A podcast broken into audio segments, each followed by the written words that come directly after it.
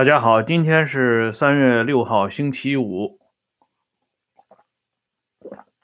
我们来讲一期《开国将帅异闻录》第六集啊。今天呢，讲一下王震与邓小平的关系。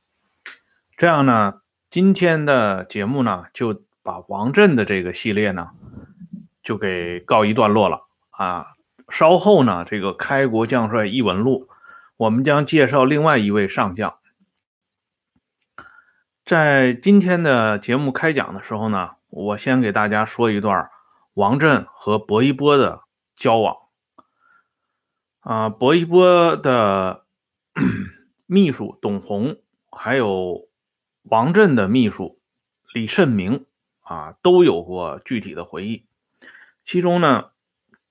王震的秘书李慎明呢，专门有一篇文章是发表在《百年潮》上边啊，讲了王震与薄一波的交往和友谊。他这里边呢，提了几个故事。啊，值得大家关注。一个呢是有一次啊，李慎明呢在这个呃中南海这个院子里骑车，偶遇薄一波啊，薄一波呢很亲热的同他打招呼，并且呢非常关心王震啊最近在干什么事情啊，专门呢和这位名不见经传的小年轻李慎明啊拉了几句家常，其目的呢就是为了了解啊王震目前。的近况，这一点呢，让李慎明感到啊很亲切啊，也很高兴。回去呢，就向王震做了介绍。接下来呢，啊，发生了一件事情，就是一九八五年九月份的时候，中国共产党全国代表会议召开前夕，中共中央呢决定王震进入到中央顾问委员会担任副主任，排名呢。自然是排在常务副主任薄一波的后边，啊，这个规格是很高了啊，因为中顾委副主任相当于中央常委。就在这个时候呢，薄一波把自己的名字啊，他本来是第一副主任呢，就是常务副主任，他把自己的名字呢排到了王震的后边，啊，这件事呢让王震看到了，王震呢就用红蓝铅笔。把薄一波的名字呢又勾回到自己的前面，而且王震因为这件事情，还跟他的秘书李慎明说了一番啊解释的话。嗯，你这个姓姜的朋友问啊，这个会员你就加入到啊时政啊会员频道，你就可以看到其他的啊都没有问题，这是会员频道。非会员频道啊，一切照常，党史读书都有的啊。王震呢，啊，向他的秘书李慎明是这么解释的，他说：“伯老这个人啊，很厉害啊，人家是党政军文财群啊，群众方方面面，人家都是全才啊。主席呢，很早就发现伯老是个人才。”啊，把他给提拔起来，所以人家在中共七届中央委员会里就是委员了，我怎么能排到伯老的前面呢？那这李慎明呢，自然就表示哦，明白了啊，这个王老解释的非常好啊。可是呢，后来啊，这个名单打印出来以后，成为正式名单的时候，李慎明发现呢，啊，王震的名字还是排到。薄一波的前面，啊，这样呢，啊，王震又给他的秘书解释了一番。他说：“这个事情啊，伯老是坚持要把他的名字排到我的后边。我们两个人呢，还发生了争执啊，都想让啊别人的名字排到自己的前面。最后呢，还是伯老说了一句话。伯老是说了啊，说我是常务副主任啊，我有这个权利决定。”啊，王震的名字就要排到薄一波的名字前面。王震一看这样呢，啊，王震说：“那我就是啊，服从呃组织规定了啊，服从组织的决定了啊，我的名字呢啊，就暂时啊放在伯老的前面啊，伯老呢太谦虚了啊，就是这样，薄一波的名字呢就排到了王震的后边。”到了一九八六年的时候，薄一波当时呢正好在湖南啊，王震呢，马上就让自己的秘书李慎明啊，向王震的秘书董洪打招呼啊。董洪后来到中共中央文献研究室工作，主抓人事工作啊，就是也是做到了副部长这个级别了。那个时候呢，他给薄一波当秘书啊，所以呢，王震就告诉啊他的秘书说：“你赶紧啊同伯老的秘书联系一下，因为伯老呢现在湖南啊，而我们呢啊从一九八零年以来，干部群众对伟大领袖的敬仰程度呈下降趋势。”啊，这里边确实，王震说的这个事情呢，也确实是实实在在存在的啊。一九八零年，这个参观毛泽东故居的人数呢，成为历年以来最低的水平啊，只有四十万人次，比起一九六六年文化大革命的时候呢，差了好几个台阶所以王震有点着急了，他说：“能不能啊，趁伯老在湖南的时候。”让他去拜访一下主席的故居，这样呢，提升一下主席的故居在人们心目中的地位。这样呢，这个李慎明呢就把话带给了薄一波的秘书董洪，然后呢，薄一波的秘书董洪又告诉薄一波，薄一波很高兴啊。薄一波说：“你看看，王老远在北京，和我这位身在湖南的人，我们俩的想法呢，想到了一起去。”啊，所以呢，薄一波就专门去拜访了一下毛泽东的故居。拜访之后呢，啊，王震得到消息，非常兴奋啊。他还专门呢，啊，给薄一波写了一封信啊。这信里边呢，还用这个文言文拽了一下。他说：“乡人传来信息，我公访问啊主席等老一辈故居，是一件令人感奋的喜事。”由于你曾经是以主席为首的最高领导集体的一位，犹有历史意义啊！这这么一个啊，这个实际上只读过三年私塾的私塾的这个王震呢啊，这个信里边呢，呃，用词还特别讲究啊。薄一波把这件事情呢，后来写到了自己的回忆录当中啊，就是这本《领袖元帅与战友》。这是追思王震的文章里边提到的，呃，再后来又发生了一件事情，就是我们都知道，当年跟王震一起共事过的国民党的高级将领叫陶峙岳，曾经任新疆警备总司令，参加起义。嗯，到了后边第六届全国人大和全国政协开会的时候。王震呢，就同薄一波谈到陶峙岳的职务的安排啊，他呢对薄一波说啊，就是能不能由你向中央反映一下，陶峙岳这个同志呢，啊很了不起啊，当年呢响应党的号召起义啊，让新疆呢完整的回到我们的手里，这个人应该给他安排一个副国级的位置，或者是人大常委会副委员长。或者是全国政协副主席，啊，这是王震向薄一波转达的自己的这这种意图。王震为什么自己不去反映呢？啊，道理其实也很简单，因为王震和陶峙岳呢两个人过从甚密啊，一起搭过班子。如果由王震来说这个话呢，啊，明显是属于瓜田李下，啊，有点这个好说不好听。所以呢，王震请薄一波代为转达自己的这番意图。薄一波呢，啊，如实的向上面反映了。后来呢，把陶峙岳的副国级待遇就给落实了，就是全国政协副主席啊，享受了党和国家领导人的待遇。这是王震和薄一波之间的这么一段交往。接下来呢？我们再来讲一下王震和李锐之间的交往，啊，他们之间也有一段故事。这薄一波呀和王震之间的交往，为什么我花了这么多时间来介绍呢？因为我们知道薄一波这个人，他不是什么人都随便亲近的。李瑞呢，曾经回忆过一个往事啊，那就是当李瑞自己啊非常得宠的时候，毛泽东很信任李瑞，李瑞的时候，薄一波呢专门就找过李瑞，他说：“你给我讲一讲啊，为什么你说的话，主席就是那么爱听呢？你是用什么方式啊，让主席对你的这些看法啊，对你的这些表达有这么浓厚的兴趣？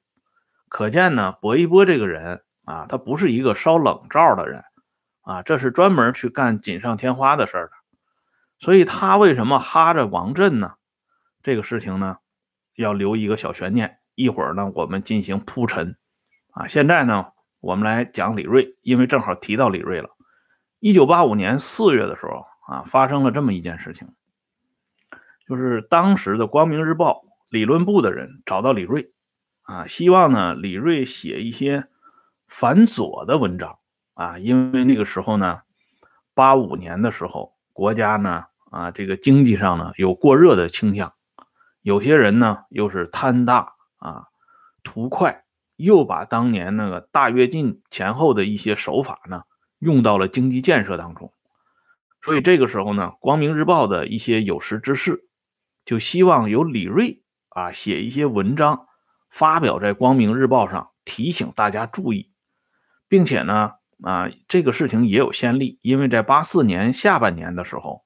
陆定一陆续写过。十篇文章也是表达了类似的意思啊。这个文章发表以后呢，大家反响挺好，在一些中青年知识分子当中呢，有过激烈的回应。因此呢，《光明日报》决定请李瑞也照这个模式再写一些文章。李瑞很勤奋呐，李瑞接到这个邀请以后，马上就答应了。并且呢，花了时间啊，因为当时李瑞也还是挺忙的啊，他呢就拟定了八篇文章的题目啊。你看这八篇文章里边呢，什么谈浮夸风啊，不要盲目追求高速度啊，重读不要害怕反对意见等等。在李瑞出差的时候呢，啊，其中的三篇文章。分别发表在一九八五年五月七号、五月八号和五月九号的《光明日报》的头版。这三篇文章发出去以后呢，反响很大啊。我们知道，上个世纪八十年代中期的时候，是中国近四五十年以来啊思想最为活跃的一个啊特殊时间段。文章发表之后呢，仅仅三天的时间。就戛然而止了，就突然停了。这李瑞呢就觉得挺奇怪，然后呢，他就去找《光明日报》的负责人啊，就说为什么会出现这种情况呢？啊，这样呢，《光明日报》的人呢向他讲述了文章为什么会只发表三篇就被停止的过程和原因。这个原因呢，就涉及到一位威风凛凛的老将军。这是在李瑞的回忆录啊《反左文选》当中专门提到的一个故事啊，我给大家看一下出处。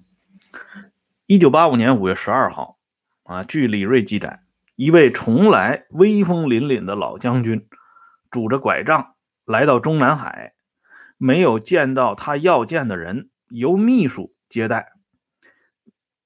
秘书当时呢啊。如实的记载了老将军的谈话记录。老将军拿着《光明日报》五月七号、八号、九号刊载的三篇文章，啊，对秘书大发其脾气，说了：“看了这三篇文章，我火气很大，我不同意这种看法，把现在比作大跃进时期，把我的话要报告给耀邦同志、启立同志。”你就说我火气很大啊！这位威风凛凛的老将军是谁呢？就是我们今天讲到的王震啊！王震来脾气了。王震认为李瑞写的这三篇文章是大毒草啊，而且呢上纲上线，并且直接要求把这个意见向中央第一把手啊，名义上的第一把手胡耀邦和主持意识形态工作的胡启立进行汇报。最后呢，胡耀邦啊不得不屈从于王震的意见，做了如下的批示啊。胡耀邦说呢，把某些地方不适当的追求速度同大跃进攀比，显然不恰当。中央各报再也不要登这类议论了。国务院方面呢，也按照胡耀邦的这个批示啊，附和了一下，嗯，说这个啊，对我经济的健康发展容易引起不良后果，请各新闻单位注意这一点。第二天啊，五月十三号下午的时候，邓丽群啊，那是落实指示不过夜呀，王震的指示。头一天发出，第二天，邓丽群呢就把《光明日报》的总编辑找去，然后呢传达了意见，说这三篇文章把现在同大跃进类比不好，以后文章停发。五月十七号，在首都的新闻单位的吹风会上，明确传达了上述的意见。这样呢，李锐的计划呢？自然是胎死腹中啊，夭折了。光明日报那边呢，对李锐呢表示了深深的歉意，并且呢给李锐转过来一些青年知识分子对李锐发表的这三篇文章的热烈回应和呼应。可见呢，李锐的这个文章是在当时在民间或者说在半官方的状态当中呢，是受到热议的啊，大家很喜欢这种文章，针砭时弊。啊，指出缺点毛病，但是在威风凛凛的老将军王震那里呢，却遭到了批判，而且由于王震火气很大，上到中央总书记，下到各新闻单位，都不得不按照王震的要求呢，嗯，来办理。啊，即便是李锐这样的人物写的文章呢，也不能刊登出来。光明日报呢，为此还做了检讨和检查。王震生前呢，曾经自己说过自己的文化水平啊，他呢在中央常委的扩大会议上说过这样一番话啊，这是薄一波记载的啊，这个话应该是比较准确了。王震说呢，你们啊，或者是大学毕业，或者是中学毕业，有的呢居然还读过研究生，我呢一个业也没有毕过。啊，言外之意呢，自己文化程度不高，但是丝毫没有影响啊。王震成为一个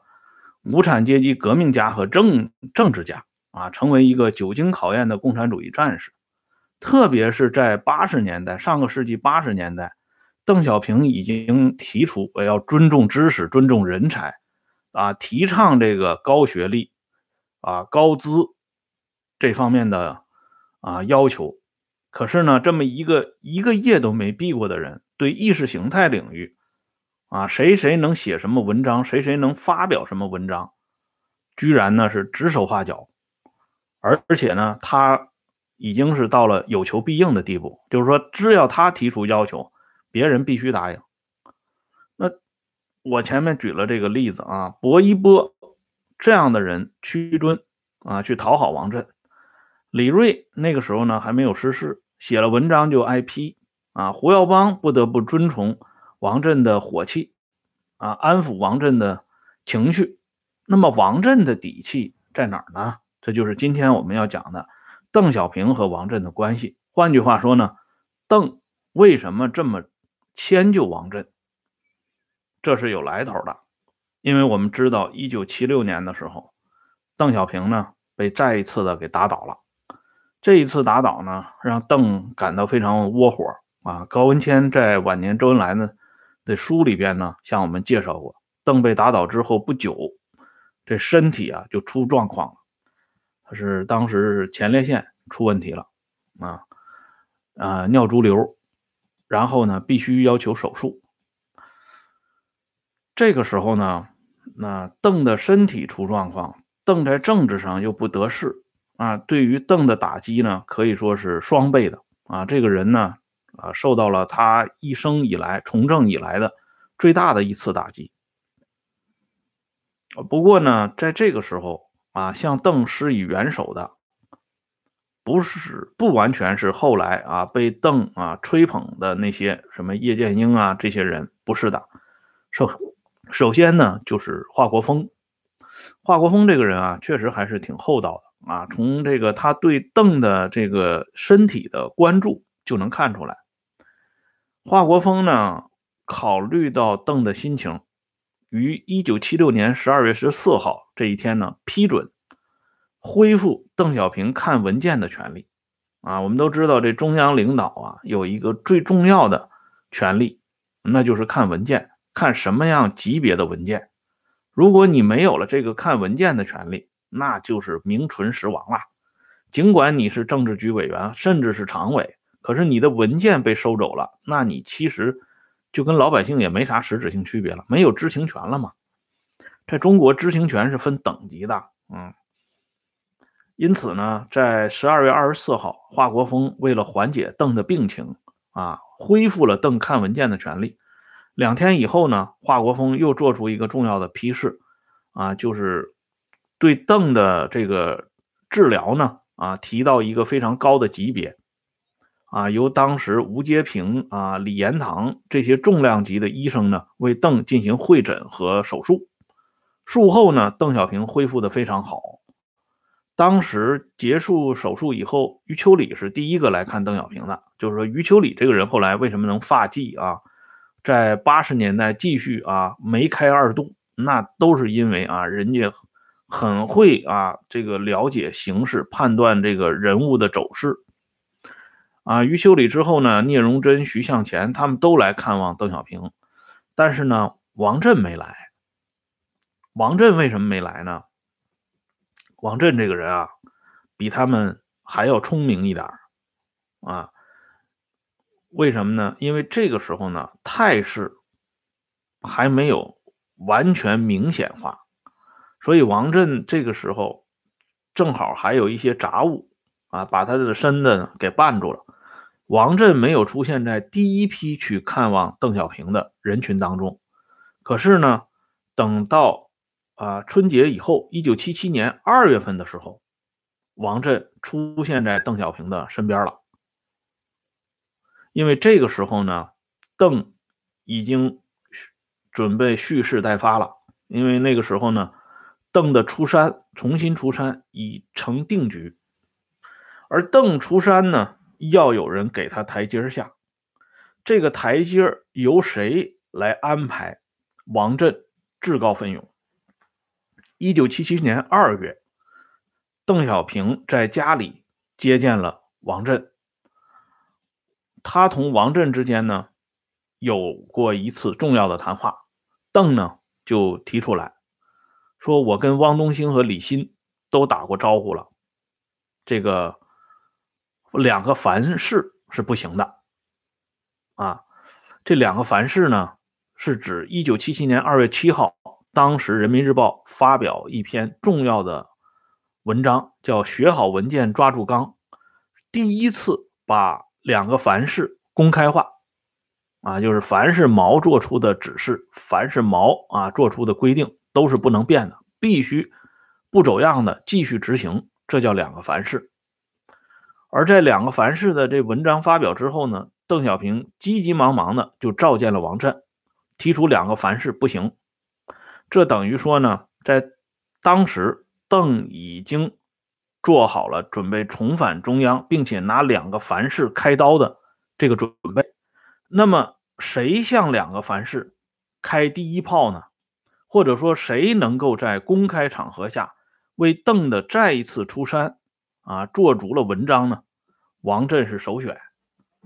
在这个时候啊，替邓出头真的是需要一些勇气的。所以呢，王震人家就是勇挑重担。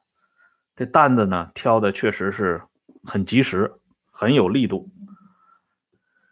呃，在一九七七年三月召开的中共中央工作会议上，陈云呢首先为邓小平开路啊，就是说谈到天安门事件啊，认为邓小平与天安门事件就是四五运动是无关的。他是为了中国革命和中国共产党的需要。啊，听说有些同志提出让小平同志重新参加党的中央领导工作，那是完全正确和完全必要的啊，我完全拥护。陈云的讲话呢比较短，但是王震后边的讲话就比较吓人了。王震呢，首先为邓小平评功摆好啊，直接提出来了，邓小平同志政治思想强，人才难得，这是伟大领袖当年讲的，总理。亲自传达的，而且小平同志能打仗，反修坚决，取得了巨大的成绩啊，等等等等。现在呢，是全党全军全国各族人民都热切的希望他早日出来参加党中央的领导工作。总之呢，王震的这个讲话啊，如果不对照时间、地点和环境。你就会觉得他的这个讲话跟一九九七年二月份中共中央批准发布的《告全党全军全国各族人民书》啊，就是邓小平的那个讣告，差不多啊，就差说邓小平是啊那些什么伟大的无产阶级革命家、政治家、军事家、外交家了。这篇啊评功摆好的讲话非常长，所以呢我就没办法给大伙一一这个宣读了。在一九七七年三月份的这次啊，呼应邓小平出山的这个讲话当中，王震是开足了马力呀，啊，因此呢，大家也就可想而知啊，这邓小平对王震那是心存感念呐，啊，因为没有王震的这头炮，邓小平的出山呢就不会这么精彩啊，不会这么万众瞩目啊，呼之欲出，简直就像那个。魏晋南北朝时期的所谓啊，音号不出，如昌生河啊，就这个人要不出，天下昌生就没指望了。王震就能给铺垫到这一步。你别看这个人啊，一个业都没闭过，但是呢，在这方面做文章，王震是绝对的第一把好手。所以后来让王震当中共中央党校校长，可以说呢，也是名至实归。哎。到了一九七七年五月和六月，邓呢频繁的找王震、邓丽群和张震谈话啊，这样呢，我们看到后来啊，在王邓小平退休以后，张震突然是以一个退役的这么一个人物，重新出现在中共中央军委的主要领导班子当中，也是啊期来有致的。由于王震的保驾坚决啊，邓小平呢对王震。一直是处于啊比较这个比较迁就的啊，即便是王震后边发了很多关于左的这些啊言论，邓呢一般都视而不见，因为政治家他最欣赏的是这个政治人物在政治立场表态或者叫政治站队这方面的啊举措，至于说他偶尔放个炮。啊，或者是炮打歪了，那在邓小平看来都是无足轻重的。啊，这是王震啊受到邓小平青睐的一个重要原因。至于他和陈云后边的关系，那是臭味相投，那就不用过多的解释了。王震这个人呢，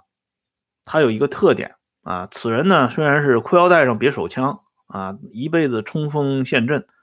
但是他对意识形态这方面呢抓的是非常紧。他身边呢是网罗了一些啊文人，啊或者说是吹鼓手，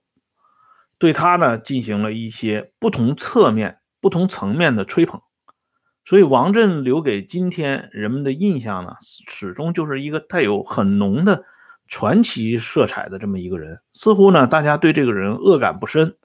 啊，好像王震也没干过什么坏事啊。实际上呢，王震这个人啊。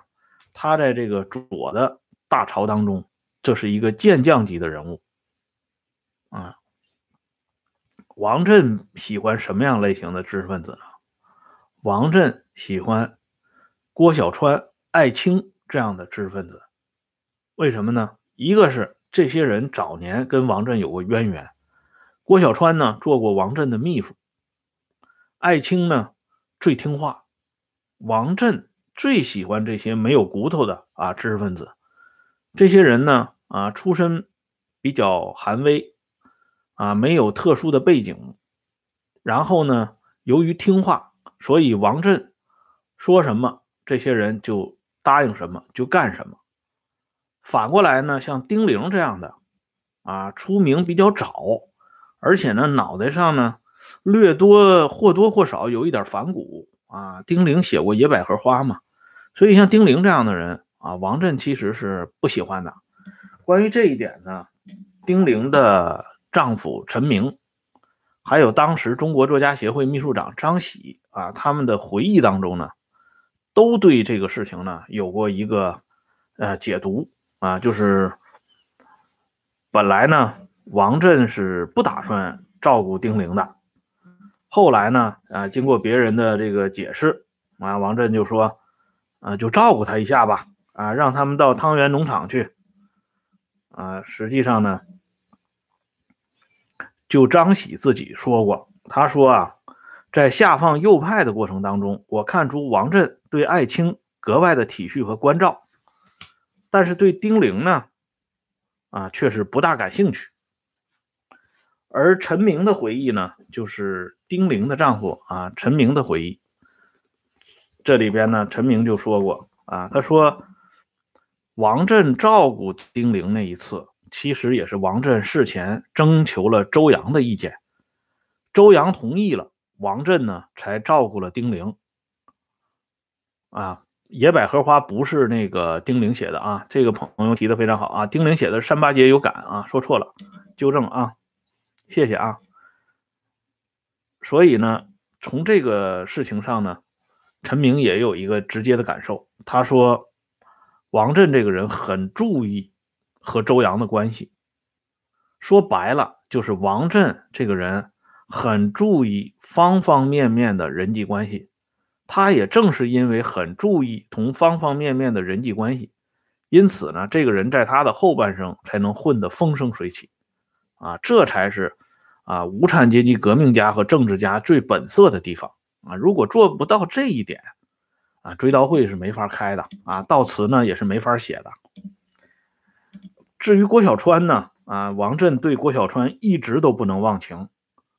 啊，当这个郭小川意外的死亡以后，啊，王震呢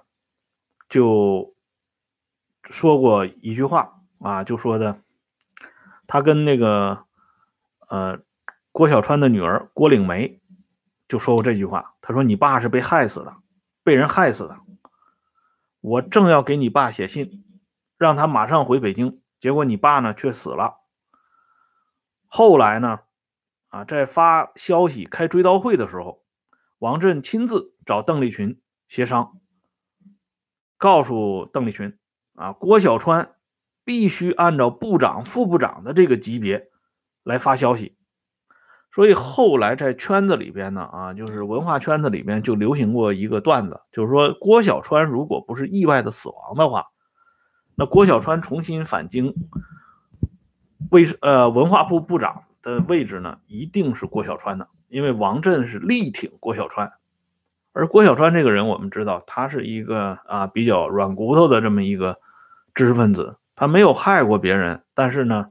啊一生呢都是附庸啊，人家说什么他就做什么啊，从来不打折扣，这么一个悲剧式的人物。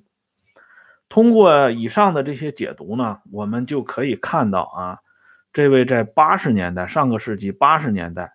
左右思想文化交锋啊最集中的时候，啊，或者说在中国在思想界啊即将要展开进一步的解放的运动过程当中，被一股股的浊浪啊死死的顶住，而这个浊浪当中啊浊浪排空过程当中。最鲜艳、最夺目的一朵污浊的浪花，那就是非王震莫属。而这个人呢，至今呢还被供奉在庙堂之上。由此呢，我们也可以看到很多问题的症结到底出现在哪里。好了，今天呢关于王震的这个话题就说到这里啊，感谢大家收看，我们明天同一时间再见。